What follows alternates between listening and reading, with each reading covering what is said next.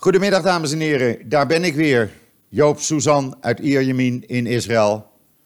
Met mijn dagelijkse podcast. En ja, uh, we hebben Simchat Torah gehad, daar kom ik zo meteen even op terug. Uh, laat ik eerst even over het weer beginnen. Alhoewel het nu nog rond de 30 graden is, schreeuwen de headlines in de kranten en op radio en televisie: de winter komt eraan. Hou je gereed voor de regen en de onweer en de hagel. Uh, oké, we hebben geen herfst, want uh, ja, de temperaturen gaan niet naar beneden. Het blijft zo rond de 25, 26, 27 graden. S'nachts rond de 20 graden. Maar inderdaad, vanavond komen er uh, fikse onweersbuien. Zelfs met hagel in de hoger gelegen gebieden. En dat heeft alles te maken met het begin van het regenseizoen. Daar wordt voor gebeden tijdens Sukkot en Simchat Torah. Nou, het lijkt er dan op dat die gebeden inderdaad zijn verhoord. En dat we dus uh, een aantal dagen van fikse regen krijgen. Ja, ik zei het al, herfst, ja, het bestaat hier eigenlijk niet. Men noemt het wel uh, de herfstperiode, maar qua temperatuur was er eigenlijk geen verschil. Het is nog steeds 30 graden. Op dit moment nog zonnig. Ja, je ziet in de verte de dikke regenwolken aankomen. Het is toch het Midden-Oosten waar dan de enorme plensbuien vallen. En na een half uur, drie kwartier is het weer droog. En dan komt weer het zonnetje door overdag. Maar goed, vanavond begint dat dus. En dat zou dan tot vrijdag zo'n beetje doorgaan. We zullen het zien. Uh, ik vind het niet erg. Alles spoelt lekker schoon na zes, zeven maanden. Geen druppel regen. Als je die twintig druppels van verleden week niet meer rekent. En dan wordt het wel eens tijd dat de boel uh, door de natuur wordt schoongemaakt buiten op straat. En dan ruikt het ook weer lekker fris. Ik vind dat altijd wel lekker. En de regen, ach, uh, het is een zegen voor het land, zullen we maar zeggen. Uh, want zo wordt het hier wel gezien. Uh, men heeft er geen enkele moeite mee. men is blij dat het regent. En dan heb ik, hebben we op joods.nl twee contrasterende video's eigenlijk neergezet over Simchat Torah. Ik zei het al, het werd zondagavond gevierd en gisteravond voor hele families. Uh, het begin van de nieuwe cyclus uh, van de Torah-lezingen, die vanmorgen, of gisteravond dan eigenlijk begonnen is, met Genesis 1. Uh, en ja, die twee video's, de ene is een Simchat Torah-viering in een bekende Tel Aviv-nachtclub, de Barbie-nachtclub. En de tweede video is een Simchat Torah-viering bij een van de grootste yeshivas dat zijn Joodse leerscholen in Jeruzalem. En het contrast kan niet groter zijn. Maar het feest is wel hetzelfde. Want het heeft allemaal te maken met de blijheid van Simchat Torah. Betekent ook dat er een einde is gekomen hier in Israël aan de tiendaagse periode van uh, ja, uh, vrij zijn. Vanmorgen stond het hele land weer vol met de bekende files. En iedereen is weer aan het werk. Morgen beginnen de scholen weer. En dan uh, gaat alles weer normaal tot aan Hanukkah, de derde week van uh, december. Uh, want hier in Israël, ja, je leeft niet op de kalender zoals, zeg maar, ja, zoals je in Nederland gewend bent. Gewoon van de eerste van de maand naar de dertigste van de maand. Nou, eigenlijk leef je meer van de ene Joodse feestdag of feestperiode naar de andere. En alles wat ertussen zit, ach, daar wordt gewerkt en daar zit een normale Shabbat bij. En dan de politieke situatie. Gaat het Gans, uh, Benny Gans lukken een regering samen te stellen? Gisteravond uh, heeft Netanyahu dan eindelijk toegegeven dat het hem niet is gelukt een regering samen te stellen. Hij heeft zijn mandaat inmiddels teruggegeven. En alle ogen zijn nu gericht op Benny Gans, de leider van de Blue and White Alliantie. Maar wat zijn zijn kansen om een meerderheidsregering samen te stellen? Gaat het hem lukken? Nou, het scenario in ieder geval wat zich nu heeft ontvouwd, is precies waar Gans en zijn alliantie op hebben gehoopt. Omdat niemand zit te wachten op een derde ronde van verkiezingen binnen een jaar. Dus mogelijk dat andere politieke partijen nu wat meer openstaan, wat flexibeler zijn om deel te nemen aan een brede centrum-linkse regeringscoalitie. En misschien wordt het gewoon een centrum-coalitie. Gans heeft namelijk meerdere keren duidelijk gemaakt, wel met de Likud-regering, eh, eh, een regering, met de Likud een regering samen te stellen. Maar wel onder de voorwaarde dat Netanyahu daar geen deel van uitmaakt. Want, zegt Gans, Netanyahu zal de komende maanden volkomen in beslag zijn genomen met zijn juridische problemen en geen tijd hebben voor politieke zaken. Daar is wat voor te zeggen. En wat zijn nu de opties die op tafel liggen? Nou, op joods.nl hebben we dat even uitgebreid voor u eh, neergezet. En ik zal het hier ook even noemen, in het kort. De meest logische optie is Blue and White, Likud en Israël Betenu van Lieberman.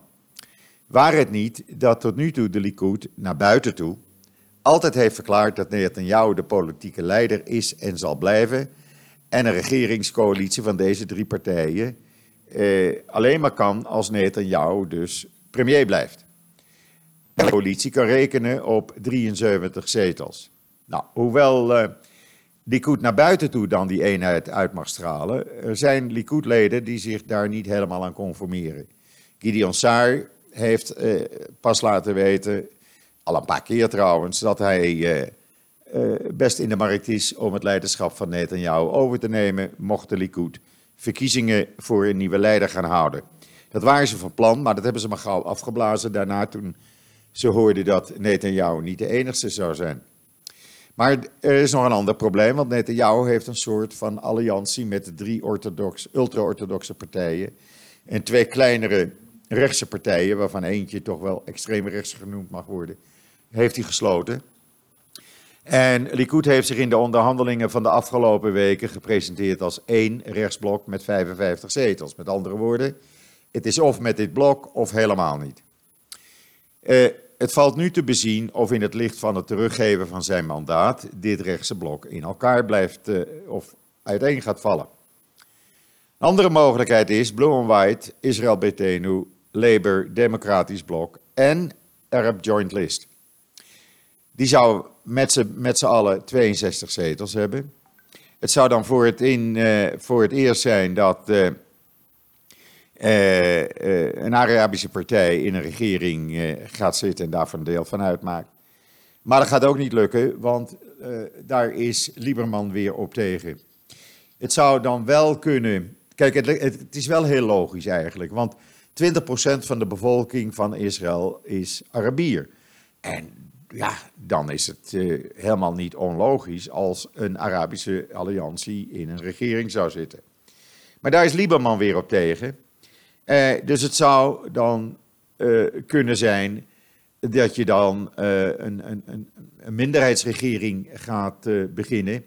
Maar dat, ja, dat ziet er dan ook weer niet zo goed uit, want dan krijg je dus Blue White, Labour en Democratisch Kamp, die hebben dan 44 Knesset-zetels. Stel dat Lieberman daarbij komt, wat ik niet denk, dan zou je op 52 zetels komen. Nou, dan zou de Arabische Alliantie uh, zich conformeren aan steun vanuit de Knesset. En ja, dan zou een minderheidsregering dus een optie kunnen zijn. Maar of dat nou de ideale oplossing is, daar twijfelt iedereen toch wel aan. Want ja, een, meerdere, een minderheidsregering heeft niet zoveel power, moet het hebben van gedoogsteun. En het kan zomaar weer zijn, na een of andere aanslag, dat die Arabier, Arabische partijen zeggen van jongens, bekijk het maar, ik trek mijn gedoogsteun weer in. Nou, dan zit je weer voor hetzelfde feit. Dus al met al doemt er een schrikbeeld voor velen weer op van een derde ronde van verkiezingen. Maar dat schrikbeeld zou wel eens bepalend kunnen zijn voor wat Likud gaat doen en hoe uh, Likud-leden uh, die nu zogenaamd één zijn, uh, zich gaan afsplitsen en zeggen van nee, wij vinden dat het landsbelang boven, boven het, ons eigen belang gaat. Hopelijk gebeurt dat. Het zou ook kunnen zijn dat misschien een van de minder ultra-orthodoxe partijen mee zou doen. Misschien zelfs de partij van Bennett, een kleine rechtse partij. Alles is mogelijk. Maar waar alles mee te maken heeft, dat is met de definitieve aanklachten van Netanyahu. Nou, Gans heeft 28 dagen de tijd. Dat betekent tot de derde week eh, november. Eh, in die tijd zou het best eens kunnen zijn dat de procureur-generaal Mandelblit definitief laat weten waarvoor Netanyahu wordt aangeklaagd.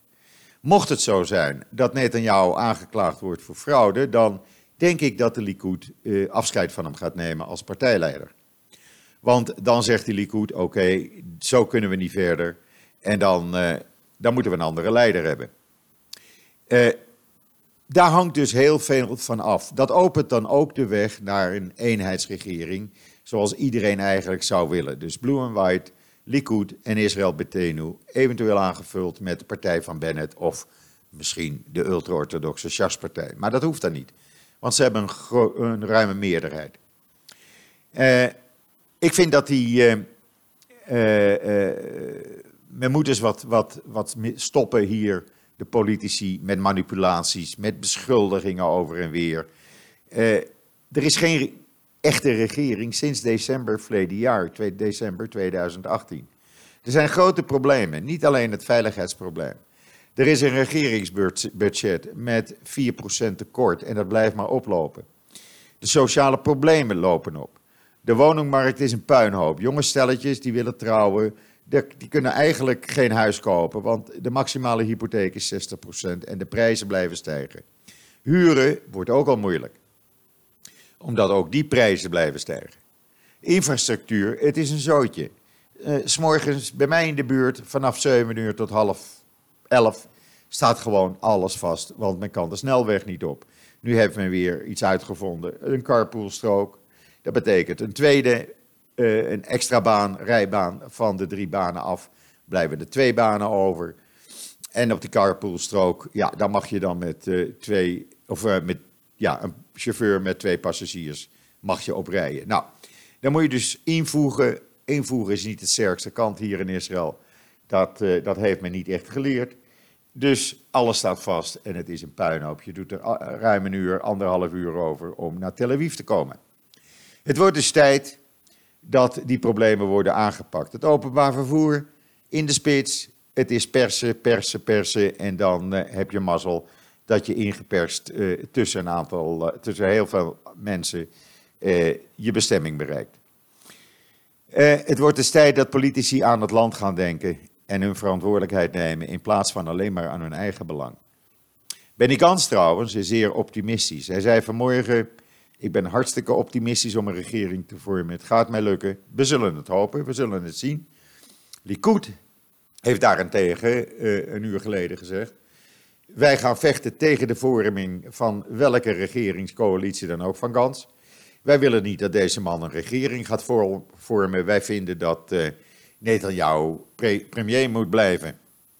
Uh, dat betekent dat de Likud geen enkele boodschap heeft aan het landsbelang. En Netanyahu laat zich in videoboodschappen op social media ook zodanig uit. En die begint dan weer met modder te gooien vandaag, weer keer op keer Gans beschuldigen eh, dat hij weigerde te onderhandelen. Waarbij Netanyahu gewoon vergeet dat hij het grote struikelblok is. En als je het twee keer niet lukt een regering samen te stellen, dan moet je zo sterk wezen om te zeggen: Mensen, ik heb het geprobeerd, het gaat me niet lukken. Ik ga even een politieke pauze nemen. Maar dat doet Netanyahu dus niet. Die gaat veel liever een derde ronde van verkiezingen in. We zullen het zien. Uh, de komende dagen zullen we u op joods.nl in ieder geval op uh, de hoogte gaan houden. En dan wat ander nieuws. Steven Spielberg die schaamde zich als kind om joods te zijn. Want die kreeg constant op de scholen antisemitische pesterijen over zich heen. En hij ging zich schamen van zijn Jood zijn. Het hele verhaal daarover kunt u lezen op joods.nl. Hij werkt nu ook aan een nieuwe film. Uh, u moet het maar eventjes uh, gaan zien en lezen op joods.nl. De video, de trailer van de nieuwe documentaire film die hij aan het maken is of heeft gemaakt. gaat ook over haat en uh, het gaat erover hoe mensen een outcast kunnen worden. Uh, dan hebben we op joost.nl een heel mooi artikel met mooie foto's, vind ik zelf, van Kibbutz Lavi. Die, levert, uh, die heeft tot nu toe aan ruim 6000 synagoges wereldwijd, ruim 70 landen, de interieurs voor synagoges geleverd. En het bijzondere is, deze Kibbutz Lavi is opgericht na de oorlog, na 19 46 of 48 eigenlijk. En opgericht door kinderen die uh, naar Engeland werden gebracht om uh, niet vermoord te worden tijdens de Holocaust. Die zijn uiteindelijk in Israël terechtgekomen. Daar zaten houtbewerkers onder. En zo is men een houtbewerkingsbedrijf begonnen. Wat zich dus gespecialiseerd heeft aan in synagogen, meubilair en interieur. Volgens de CEO hebben, zitten ruim 1 miljoen mensen wereldwijd op hun meubels. Nou, dat is toch iets, uh, iets fantastisch. En dan Netta, u weet wel, de Israëlische Eurovisie-zangeres. Nou, ze is nu ook een beroemdheid in China. Zij heeft opgetreden in een televisieshow die door ruim 500 miljoen mensen uh, werden bekeken in China. Uh, ze is al beroemd op alle continenten wereldwijd, want ze kan het werk niet aan. En, uh, maar nu ook in China. En dat betekent natuurlijk wat. ze heeft opgetreden met een de meest bekende Chinese zangeres, Naomi Wang. Ik ken haar niet, maar ik ben dan ook geen Chinees natuurlijk. En ja, ruim 500 miljoen mensen die naar je zitten te kijken. Nou, dan hè, betekent toch wat. Er zijn trouwens in het zaad postzegels met haar gezicht erop vrij uitgegeven. Want het zaad heeft postzegels over het Eredivisie Songfestival op de markt gebracht. En pas geleden is bekend geworden dat Netta ook een rol gaat spelen in een nieuwe Netflix-film over het Eurovisie Songfestival. Nou, dat vind ik toch ook weer prachtig. Uh, en zo zie je maar. Het maakt niet uit hoe je eruit ziet. Het maakt uh, helemaal niet uit wie je bent. Gewoon als je iets doet wat mensen uh, leuk vinden, dan heb je succes. En dan, ja, Netanyahu laat een erfenis na, lijkt het op als dat niet snel gaat veranderen, en dat denk ik niet. Uh, zijn regering vond namelijk dat dat nieuwe gasplatform voor het Leviathaan gasveld, dat moest maar dicht bij de kust komen, zo'n uh, minder dan 7 kilometer uit de kust ten noorden van Caesarea. Half Israël uh, is daar tegen. Hij trekt zich er niks van aan. Ze hebben rapporten laten maken. Kijk eens, kan helemaal geen kwaad. Hartstikke goed. En we gaan dat uh, niet 120 kilometer uit de kust uh, plaatsen waar het gasveld ligt. Dat doen we niet. Nou, inmiddels blijkt er een onafhankelijk internationaal rapport te zijn gemaakt. En wat blijkt daaruit? Dat er enorme, enorme vervuiling, milieuvervuiling te verwachten komt van dit gasveld dicht bij de kust. Men heeft gewoon dus bij het ministerie van Milieu niet eens zitten slapen. Men heeft doelbewust meegewerkt aan valse rapporten, aan het verdraaien van, van cijfers, waardoor eh, de regering Netanyahu dit besluit heeft genomen. En wij zitten er dus mee. Wij, de gewone burgers van Israël, kunnen dus binnenkort in de stank zitten als dank voor Netanyahu. En daar is niet iedereen blij mee. En ik hoop echt dat het gaat lukken om dit werk stop te zetten. Eh, dan slepen ze het maar eh, 120 kilometer verder de zee op, dan zijn wij er vanaf. En dan heeft niemand last van die milieuvervuiling. En dan iets heel moois op mijn timeline. Joodse en Koerdische NGO's zijn vandaag een crowdfunding gestart om 100.000 dollar minimaal bij elkaar te halen om de Koerden te voorzien van allerlei hulpgoederen. Een prachtig initiatief, een prachtige samenwerking tussen Joden en Koerden. En ik ben niet eens verbaasd erover. Echt, ik ben er niet eens verbaasd over. Want Joden en Koerden, er zijn heel veel duizenden Joodse Koerden die in Israël wonen. Men heeft familie, men heeft kennissen in uh, de Koerdische gebieden. En hier in Israël leeft men echt enorm mee met wat de Turken de Koerden aandoen. En de Syriërs niet te vergeten. En dan uh, in Oost-Jeruzalem is Sawa. Daar vond men het nodig weer met Molotov-cocktails gisteravond naar passerende auto's te gooien. En de enige auto die ze raakte was van een Palestijn uit Oost-Jeruzalem. Die auto vloog meteen in de fik. Palestijn ernstig verbrand. Is meteen naar eh, een van de ziekenhuizen gebracht. Uh, en de politie heeft een einde aan dit molotov-gooien gemaakt. En dan Duitse parlementsleden. Ja hoor, ze leren het niet af. Ze vonden het heel belangrijk om uh, de grootste Iraanse holocaust-ontkenner en antisemiet te ontmoeten. En ze hadden het heel gezellig. U kunt het lezen op mijn timeline. En democratie volgens uh, meneer Abbas. Die heeft 59 websites laten sluiten en geblokt eigenlijk, want die uitte kritiek op zijn beleid en op zijn collega-Palestijnse leiders.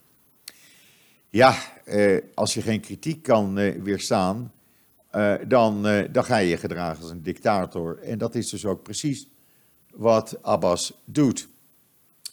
Inmiddels ja, is het aardig aan het betrekken. Ik ben tegen u aan het praten en de zon is bijna weg. Dus de regen komt waarschijnlijk sneller als dat we dachten. We zullen het zien. Als het, over, als het nog daglicht is, zal ik een filmpje op JoodsNL en Twitter zetten. Zodat u eh, kan zien hoe de eerste regen over Israël in buien heen trekt. Blijft toch wel bijzonder. Ik loop nog in korte broek en t-shirt. En ik denk dat ik vanavond uh, mijn sandalen moet verruilen voor uh, kaplaarzen of zo. Ik weet het niet, we zullen het wel zien. Want nogmaals, die plensbuien, ja, het, het, zijn tropische buien. Het is niet zoals in Nederland een beetje regen. Nee, het komt meteen met bakken, alsof er emmers water leeg worden gegooid. Met bakken komt het uh, uit de hemel. Maar goed, nogmaals, we hebben er geen moeite mee en we zullen er ook geen moeite mee hebben. Laat maar lekker regenen. Goed voor het land, goed voor de mensen, goed voor alles. Alleen mijn hond houdt er niet van. Want meneer is zo verwend dat als het regent, doet hij alles wat hij normaal in een half uur of langer doet, in twee, drie minuten. En dan precies onder bomen, zodat hij niet te veel uh, regendruppels op zijn uh, tere German pincher lijf krijgt. Want meneer is een beetje verpest en uh, ja, die houdt daar niet van. Maar goed, daar moet hij dan maar weer aan wennen. Dit brengt mij al tot het einde van deze podcast. Eh, ook ik ben weer normaal aan de gang. En zo dadelijk komen er nog wat artikelen op joods.nl. Waaronder natuurlijk, wat schrijven de Hebreeuwse kranten vandaag? Niet verrassend, het gaat over Netanyahu en het gaat over Gans. Dat zijn de hoofdonderwerpen. En als we geluk hebben, ook nog wat regen erbij. Dus hou joods.nl in de gaten. U doet dat echt met z'n tienduizenden per dag. Wij zijn overweldigend, overweldigd door het uh, enorme aantal bezoekers wat we elke dag op joods.nl zien. En we werken hard aan nog meer artikelen te plaatsen elke dag. Maar uh, ja, uh, dat gaat niet van het ene op het andere moment. Maar het gebeurt wel, we zijn druk bezig. Goed, rest mij u nog een hele fijne voortzetting van deze dinsdag, de 22 oktober, toe te wensen. En wat mij betreft zeg ik zoals iedere dag, tot ziens, tot morgen.